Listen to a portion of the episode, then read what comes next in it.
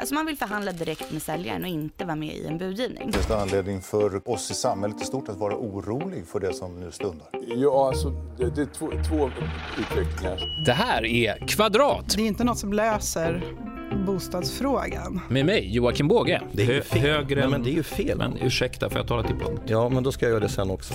Och Petra Bergman. Det känns inte så härligt att höra ja men bostadssituationen blir bättre men jag har fortfarande inte bostad.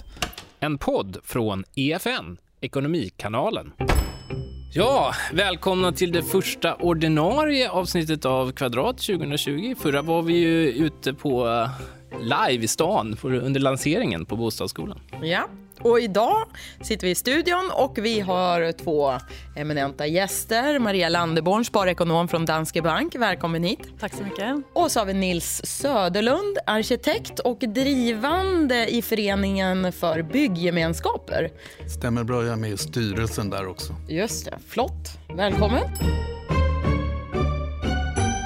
Det sägs ju att eh, den stora osäkerhetsfaktorn just nu är omvärldsfaktorer. Handelskrig, coronavirus och så vidare. Vad, vad är din uppfattning egentligen om hur det ser ut just nu och vad folk oroar sig över?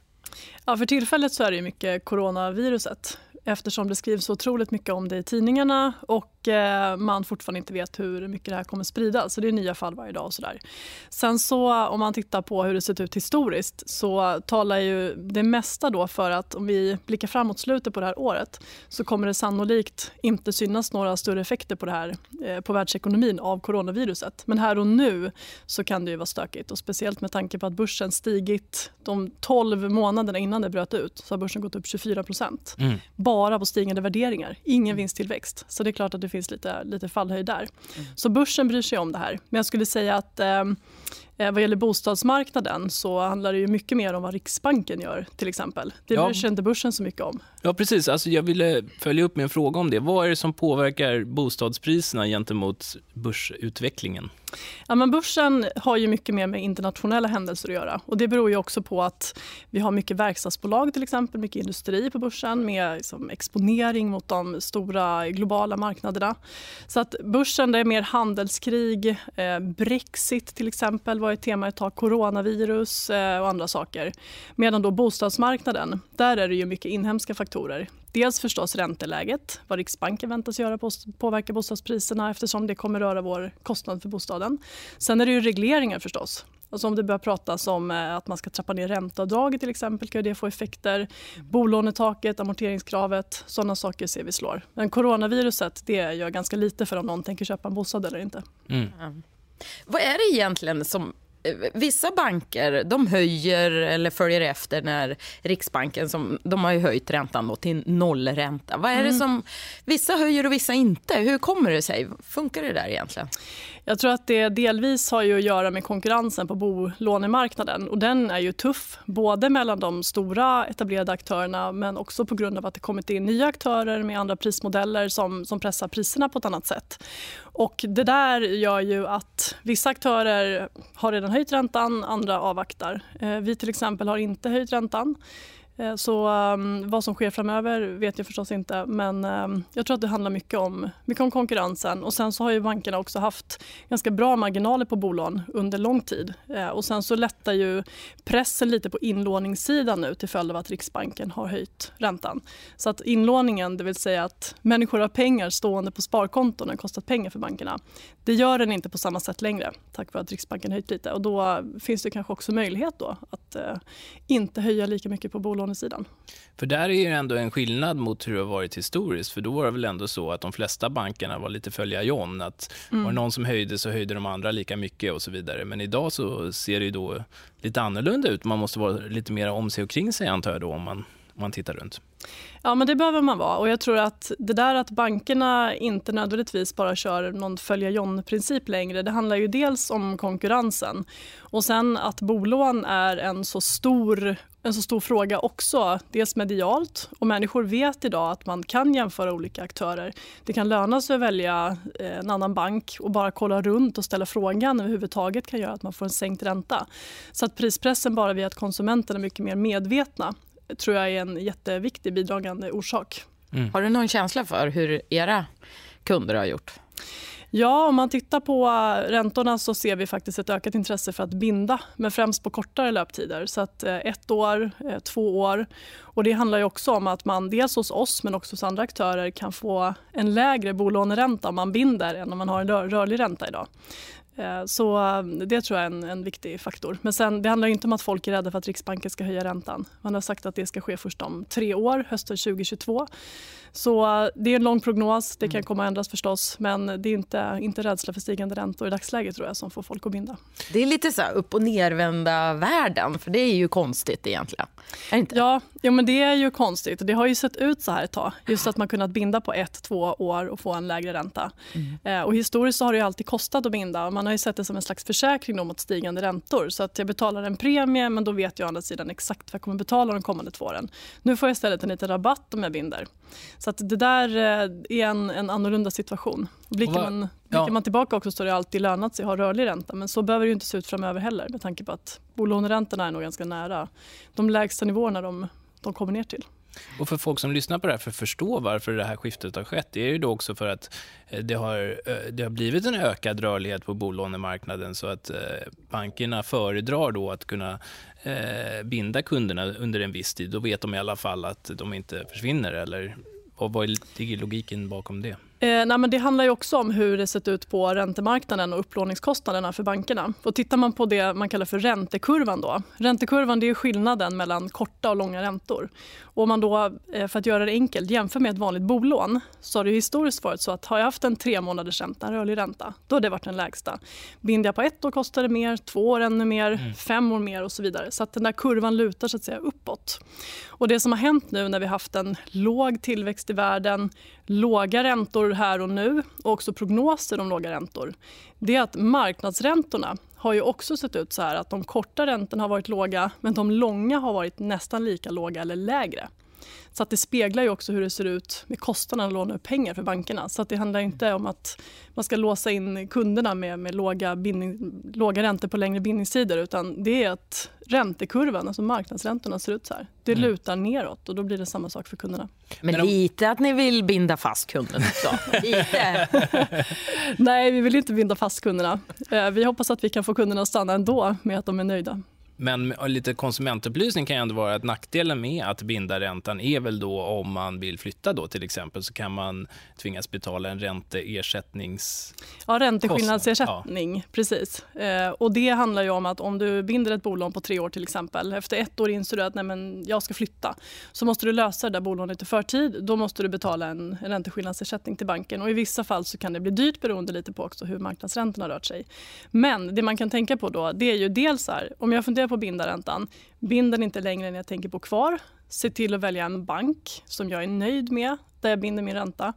Och Sen är det också så att om jag köper en bostad som är lika dyr eller dyrare så går det hos många aktörer att flytta med lånet. Så jag behöver inte, byta, vi behöver inte lösa det där treåriga lånet utan jag kan mm. flytta över det till min nya bostad. Så du bara byter pant? Jag, inte, eh, jag byter pant, mm. precis. Och då slipper jag den där. Men då ska man som sagt, man ska vara så Det är väl en avgift för det också gissar jag? Det finns en pantsättningsavgift men mm. den är ju inte på långt när lika hög som att lösa bort hela lånet. Mm, intressant. Vi ska snart röra oss vidare, men jag tänkte också prata lite om den här nya produkten som ni har, den här 30-åriga ränteprodukten. Mm. Eh, det har ju, eh, vi har ju pratat mycket i Kvadrat om hur man ska göra det enklare för unga att eh, komma in på bostadsmarknaden, så att säga. Och det har varit rätt höga trösklar. Mm. Va, va, den här 30-åriga produkten, kan du förklara lite bakgrunden till den och vilka det är som erbjuds den, så att säga? Den idag erbjuds den till befintliga kunder hos oss men vi avser att lansera den bredare eh, under första halvåret nu 2020 så att den ska snart ut till fler. Men den 30-åriga eh, bolåneprodukten då, den riktar sig ju främst just till förstagångsköpare som kanske inte har en inkomst som är jättehög idag eh, som tål de här kalkylräntorna bankerna använder på 7% till exempel som vi har. Eh, så att det vi kan göra då med den här 30-åriga produkten det är att vi räknar på den faktiska räntan man betalar och just nu så är den 2,89 procent. Så då kan vi istället testa kundens ekonomi på en ränta på 2,89 procent. Sen vet... Då har man lite råd att köpa lite mera? Eller? Precis, du kan faktiskt bli beviljad ett lite större lån. Mm. Och det kan ju vara så att om du har pluggat i ett antal år eh, så har du förmodligen en ganska bra löneutvecklingskurva framför dig. Men här och nu så kanske din ekonomi inte räcker till riktigt för att låna så mycket som du behöver för att komma in på bostadsmarknaden. Mm. Min, min son eh, söker bostad just nu och eh, eh, frågar efter lånelöfte. Och han sa ett problem var att, att det tog tid för banken att ta fram ett lånelöfte. Mm. Hur ser du på det? Hur, vad, hur, hur, lång tid tar det från att man knackar på banken till att att man får ett lånelöfte? Jag tror att det kan se lite olika ut hos olika aktörer. Ibland så har det rapporterats om att det är så högt tryck någonstans att man inte riktigt hinner med. Men målsättningen är att man ska kunna återkomma inom åtminstone några dagar med ett lånelöfte. Men man behöver ju också, ofta så kan man ju lägga in en massa uppgifter på hemsidan och få ett preliminärt lånelöfte. Men sen så behöver man ofta prata med banken och eh, få bekräftat eh, inkomstuppgifter och eh, utgifter med mera Precis. för att få det där. Men han hade ändå siffror på två veckor. Ja, Okej, okay. ja. det är möjligt att det förekommer två veckor. Men eh, så är det ju inte meningen att det ska se ut förstås. Nej. Men det är bra att kolla med olika aktörer också. Man kan vara olika snabba och ha olika villkor. Det var så jag sa till min son. Fråga ja. flera banker. Det tycker jag man ska göra. Det är ett bra tips. Ska vi gå vidare och prata lite just om lånelöftet och vad mm. tips och råd? Hur eh, kan man egentligen eh, Eh, agera för att få fart på det här med lånelöftet som vi hör här då att det kan ta lång tid och fyller man inte de här vanliga vanliga kriterierna med fast jobb, man kanske är student. Och hur ska man göra egentligen? Du har ju skrivit om det här Jocke i din Bostadsskolan boken som du har skrivit. Vad, vad tycker, om vi börjar med dig Jocke, har du något så första, första tips? Ja, nej, men det viktigaste i, i den research som jag har gjort när jag har pratat med olika banker och så där, det är ju framförallt vilken inkomst du har och att få den inkomsten att räknas som fast. Och idag är det ju så att många eh, är ju eh, inte fast anställda, framförallt i början av ens eh, karriär då kanske. Utan man tar ett vikariat, man, tar, eh, man får en visstidsanställning, projektanställning och så vidare. Men eh, då är mitt tips ändå att man kan faktiskt prata med sin bank och även om man som Maria berättar går in och knappar in sina uppgifter eh, på nätet och eh, då behöver då fylla i att man inte är fast anställd så kanske man får ett avslag. Men då gäller det faktiskt att ta kontakt med banken direkt och förklara ens, eh, eh, ens omständigheter om det är en provanställning eller vad det nu än är. Och då, då kan det faktiskt hända att banken går in och, och godkänner det. Så att få ens inkomst att rekommenderas eller att, att räknas som mm. fast, det är en, en eh, en av grundprinciperna. Jag vet inte om du håller med om det, Maria? Jo, men jag håller med. Och sen då att man också är ute lite i tid. Så att om man vet att man ska börja titta efter en bostad så är det ju bra att testa några olika aktörer och kolla vad man kan få. Och sen också just kontakta banken och föra en, en diskussion så att man mm. vet vad förutsättningarna är och vad det är jag behöver lösa om det av någon anledning inte går att få det här lånelöftet som jag vill ha eller behöver. När man får själva lånelöftet, får man en preliminär ränta då också? Eller? Nej, det får man inte. Alltså, du kan ju titta vad listräntorna är när du får lånelöftet. Men den ränta du får kommer vara den ränta som gäller eh, den dag som du så att säga, tecknar lånet. Mm. Sen så kan du diskutera eh, som säger, ränterabatten med banken. Och det kan ha att göra med sparande, hur mycket pengar du flyttar dit, eh, hur mycket du kan amortera och lägga in själv och så vidare. Så där finns det massa parametrar att jobba med. Mm. Men eh, ränterabatten som sagt, den kan man ofta komma fram till i förväg mm. eh, givet vissa villkor. Då. Men eh, räntan kommer bero på hur marknadsräntan ändras. Just det. Ja. Ett annat tips är ju såklart att man inte ska försöka dölja en, om man har en betalningsanmärkning. Men ett annat tips som du lyfter också Joakim är ju det här att eh, skaffa en medlånetagare. Ja, precis. Och det kan vara just om banken tycker att det här känns lite osäkert med din anställning och så vidare, eh, så kan man ju faktiskt komma in med, med, med det kortet då att säga nej men jag har en eh, person som har en fast anställning och en god inkomst och, och, så vidare. Och Det hjälper också om den personen kanske redan är kund i banken så att det finns en historik där och säga att den här personen kommer ställa upp eh, som medlåntagare på mitt lån. Mm. Och Det betyder ju då att eh, chansen igen ökar för att man ska få eh, ett lånelöfte beviljat då på, på, på den summan som man vill ha för att kunna köpa den här lägenheten. Och, men sen är det ju så att den här medlåntagaren behöver inte stå kvar på lånet i all evighet utan det kan ju sen vara så att du bygger upp en historik vid banken och du får en fast anställning och så vidare. Eh, och då kan du välja att ta över lånet eh, mm. i sin helhet lite längre fram. Men det, Brukar det kosta någonting då, Maria? Jag vet faktiskt inte om det kostar någonting, ska jag ärligt säga. Jag sitter inte med det rent praktiska runt omkring.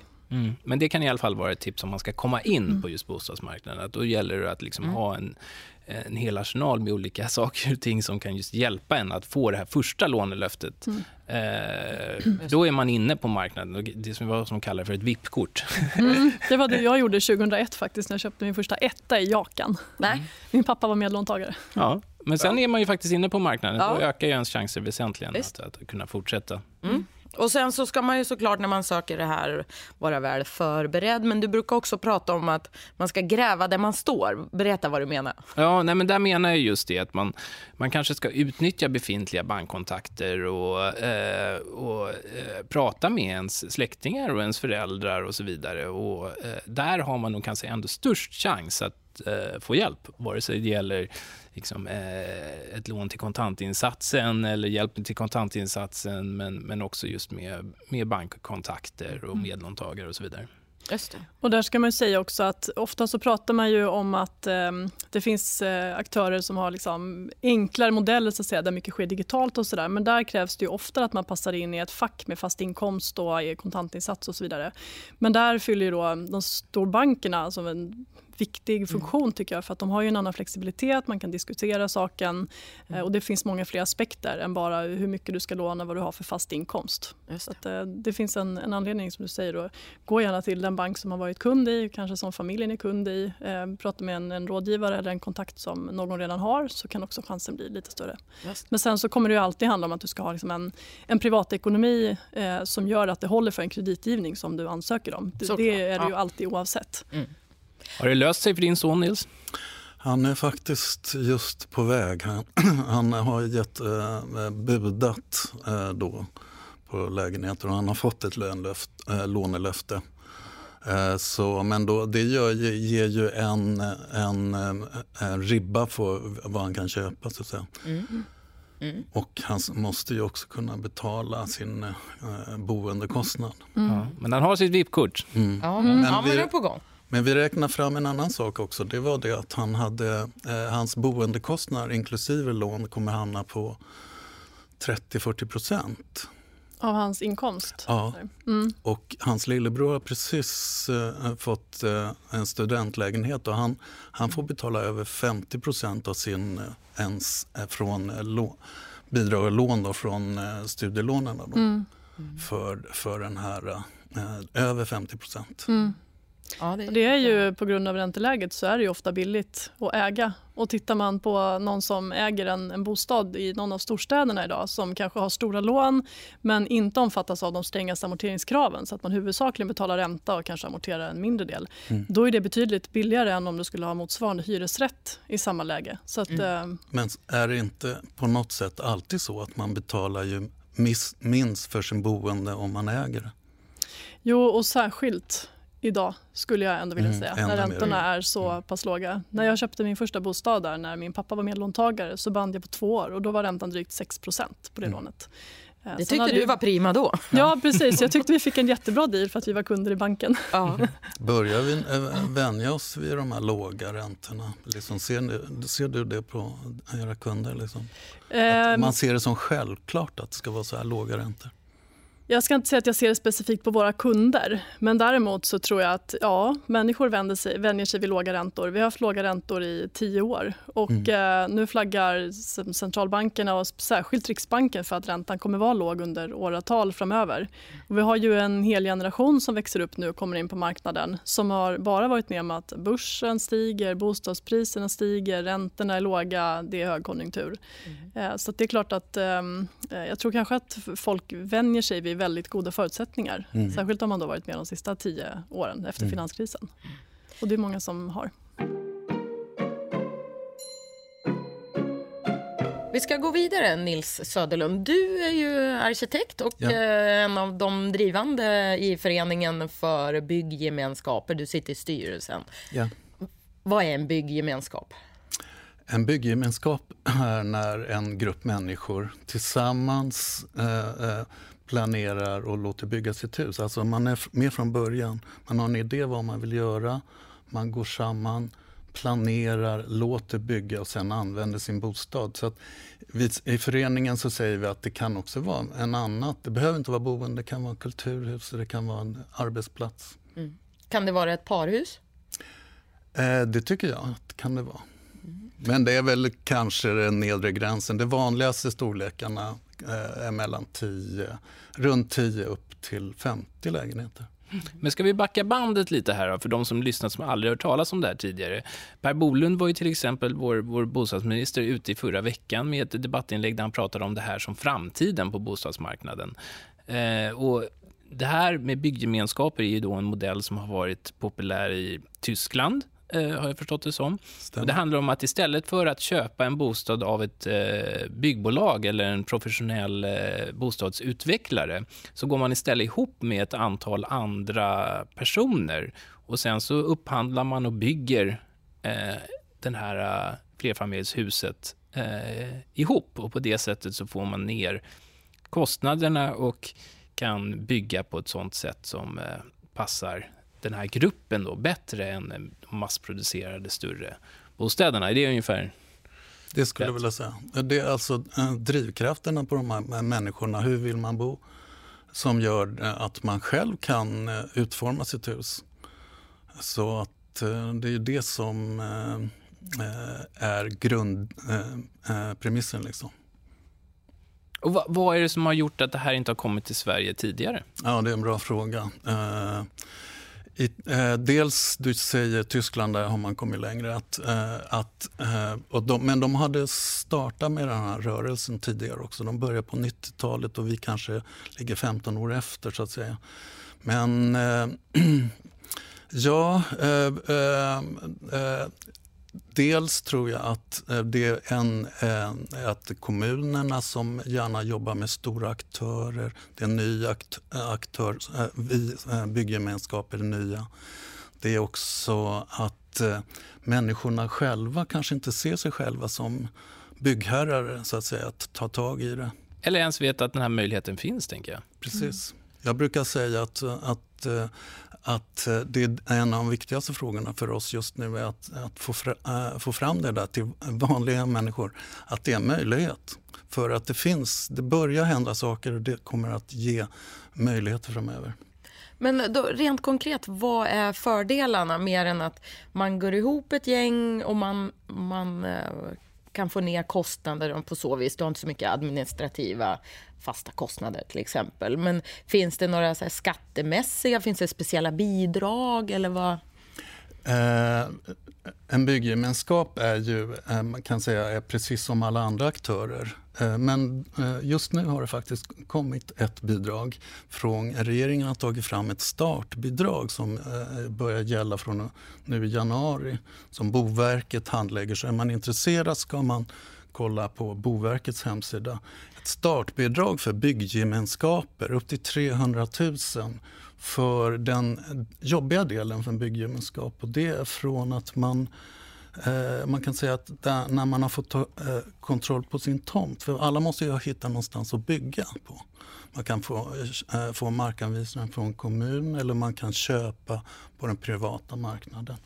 Eh, från det att man har tomten till att man kan få ett byggkreditiv är en känslig eh, eh, del. Och det ungefär 10% av byggkostnaden. Och den delen är svårt just att hitta bankerna. Eh, att, och att det är svårt också för bankerna att ha en dialog med en bygggemenskap än så länge. Mm. och då kan det här startbidraget vara viktigt för en bygggemenskap. Mm. Och att Bolund är ute och pratar om det nu också kanske skänker en viss legitimitet som gör att det är enklare bankerna får upp ögonen för det här också. Jag tycker att det känns som att inte bara något experiment, jag kan inte prata idag. som ett experiment helt ja. enkelt, utan att det är någonting som faktiskt är en, eh, en, mm. en boendeform som kan bli allt vanligare i Sverige också. Absolut, och även kommunerna. För kommunerna är också en nyckelfaktor.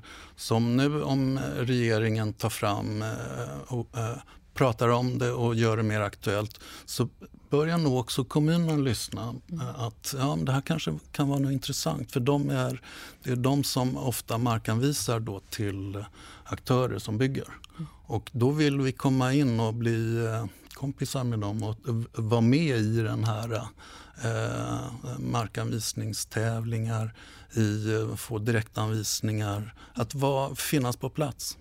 Men för att eh, liksom, bli rent konkret, då, om folk lyssnar på det här tycker det låter speciellt intressant. Man kan få ner kostnaderna med upp till 30 procent, visar de tyska modellerna. Ja. Eh, och därför kan man ju då rimligen kunna komma över en bostadsrätt eller en villa. Man kan bygga olika upplåtelseformer förstått som eh, eller småhus, eh, till att göra en ganska bra affär på det. Men var ska man börja? Alltså man, de flesta kanske inte har 30 familjer, 30 kompisar som vill, vill flytta samtidigt och är intresserade av samma sak och sådär. Finns det någon portal eller något jo, ställe vi... som man kan hitta andra? Vi har, dels har vi vår egen hemsida, Föreningen för bygggemenskaper. Och där har vi en, en, eh, matchfunktion där så man kan gå in och titta på andra bygggemenskaper och hitta kompisar som finns, etablerade bygggemenskaper mm. Eh, och andra aktörer. Men vi är också med i ett eh, Vinnova-stött projekt som heter Diversity. Och där har vi också en hemsida som heter DiveCity .se och där kan man också gå in och se dels eh, att vi ordnar olika evenemang, konferenser, möten, studieresor och så vidare. Och, Eh, och, där, eh, och i, vid sådana tillfällen så kan man träffa liksinniga. Då. Men annars tycker jag att man ska om man är intresserad av att eh, själv bygga tillsammans med kompisar så ska man hitta ett par kompisar och prata om det och, gå och snacka ihop sig och ta en kontakt med kommunen och eh, prata med dem. Vissa kommuner har börjat få upp ögonen och tycker det här är eh, spännande. Så de kommer att, vissa kommuner så kommer de eh, eh få, få ett intresse för.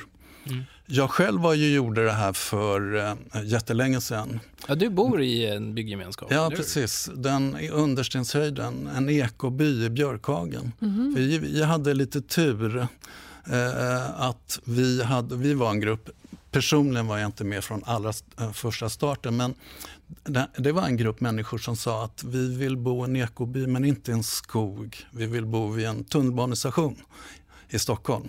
Och då gick man eh, till eh, kommunen. Vad är en ekoby om man backar det för de som inte känner till det? Det, är ju, eh, det finns ju inget, eh, det här är en ekoby. Vad vi sa är att, eh, att, att vi hade vissa saker. Vi, till exempel så eh, blickar vi upp mot stjärnan och så landar vi i, i trädtopparna. Men att att själva huset, att det är miljötänk på huset. Att när man bor där så ska man, eh, man ska inte bli sjuk. Det är, det är konstigt att behöva säga det. Mm. Jag ska inte behöva bli sjuk. Men det ska inte vara byggt med radon? Och... Nej, nej men det, det ska vara ett sunt hus. Och, eh, och sen är äh, kretsloppstänkande då att, eh, att sådana tankar. Och energifrågan var aktuell då, även då, 92. Solceller och den mm. typen av saker. Ja. Solfångare var när vi började, då, då fanns knappt solceller då. Men eh, nu har vi eh, investerat i solceller. Men vad skulle du säga då? Vilka är det här för? Skulle det kunna vara ett alternativ för unga eh, som har svårt att komma in på bostadsmarknaden att gå ihop? Eller måste man vara lite rutinerad på, på boendefronten för att mäkta med det här? Eh, just nu är det lite så att det ska mäktas med. De genomförda projekten är liksom eh, lite hardcore-människor. Men just det här eh, forskningsprojektet, och Diversity, det handlar om att sänka trösklarna så att eh, eh flera ska kunna göra det här. Det ska vara lite... Själv säger jag att det ska kunna bli som en, en folkrörelse, egna hemsrörelse. Mm. Vad är liksom fallgroparna med det här? Finns det någonting man ska tänka på och akta sig för? Eh, det är väl två saker framför allt. Det är att, eh, att man måste hitta en plats att bygga på. Mm. Och sen är det pengarna just. Mm. Eh, och där återstår det mycket jobb. Det finns ju en del aktörer då, mest lokala banker och lite nischbanker som har varit med här ett tag. Medan som man, eh, som eh, man ser i Tyskland, där, eh, har, där börjar banker se det som etablerat. Mm. Och för att ta i Hamburg så är det 10-20 procent av all markanvisning är till bygggemenskaper. I München är 30 procent. Mm. Och det förstår ju bankerna då. Och att de intresserar sig av hur kan vi närma den här kunden? Vad, vilka problem har den och vilka möjligheter? Eh, och då är det just eh, skedet Eh, från att man har hittat en plats att bygga på fram till kredit, eh, byggkreditivet. Mm. Det är en känslig fas och där hoppas vi på att, eh, att eh, att det eh, ökade intresset ska också bli att, att det kommer fram mer lösningar. Mm, superspännande. Eh, vi måste börja runda av här, men en, en, sista fråga som jag tänkte på också. Hur har det gått i Tyskland på andrahandsmarknaden för de här boendena när folk flyttar därifrån? Eller bor man kvar en bra fråga. Eh, och eh, en kritik har varit att ja, ni vill ju bygga så konstiga lägenheter och så. Dels så bor man kvar länge. När man har förverkligat sin dröm så bor man ju kvar länge. Det gjorde, har vi också gjort i Understensöjden. Men det visar sig också att de här lite udda lägenheter, de är jättepopulära på marknaden. De, de har inga problem alls att sälja dem. De är byggda med lite mer kärlek kanske? Ja, omsorg. Mm. Och det kan man säga överlag. Alla byggemenskaper eh, har någon extra knorr och eh, en, en, en, eh, alla vill ju eh, att det ska bli så fint som möjligt. Mm. Så det blir hög kvalitet. Och man kanske har lite mer kontakt med grannarna och så, tänker jag. Om det är Absolut. En, en gemenskap i ordets egentliga bemärkelse. Ja, och det tänker man kanske inte riktigt på när man eh, jobbar och, och, kämpar med bygggemenskapen. Att, men det märker man sen när man flyttar in, att det blir en bogemenskap och man kan mm. fortsätta. Det är en kul spin-off. att man kan, Sen fortsätter man göra andra saker. Vi startar en bilpool i under, mm. Understenshöjden. Mm. Mm. Vad kul. Spännande. Mm. Ja, verkligen. Och vi hoppas på bankerna att de kommer med i matchen, verkligen. Mm. Ja, Peter, du och jag får åka på studiebesök kanske. Ja, Ni är välkomna. Varför inte? Ja.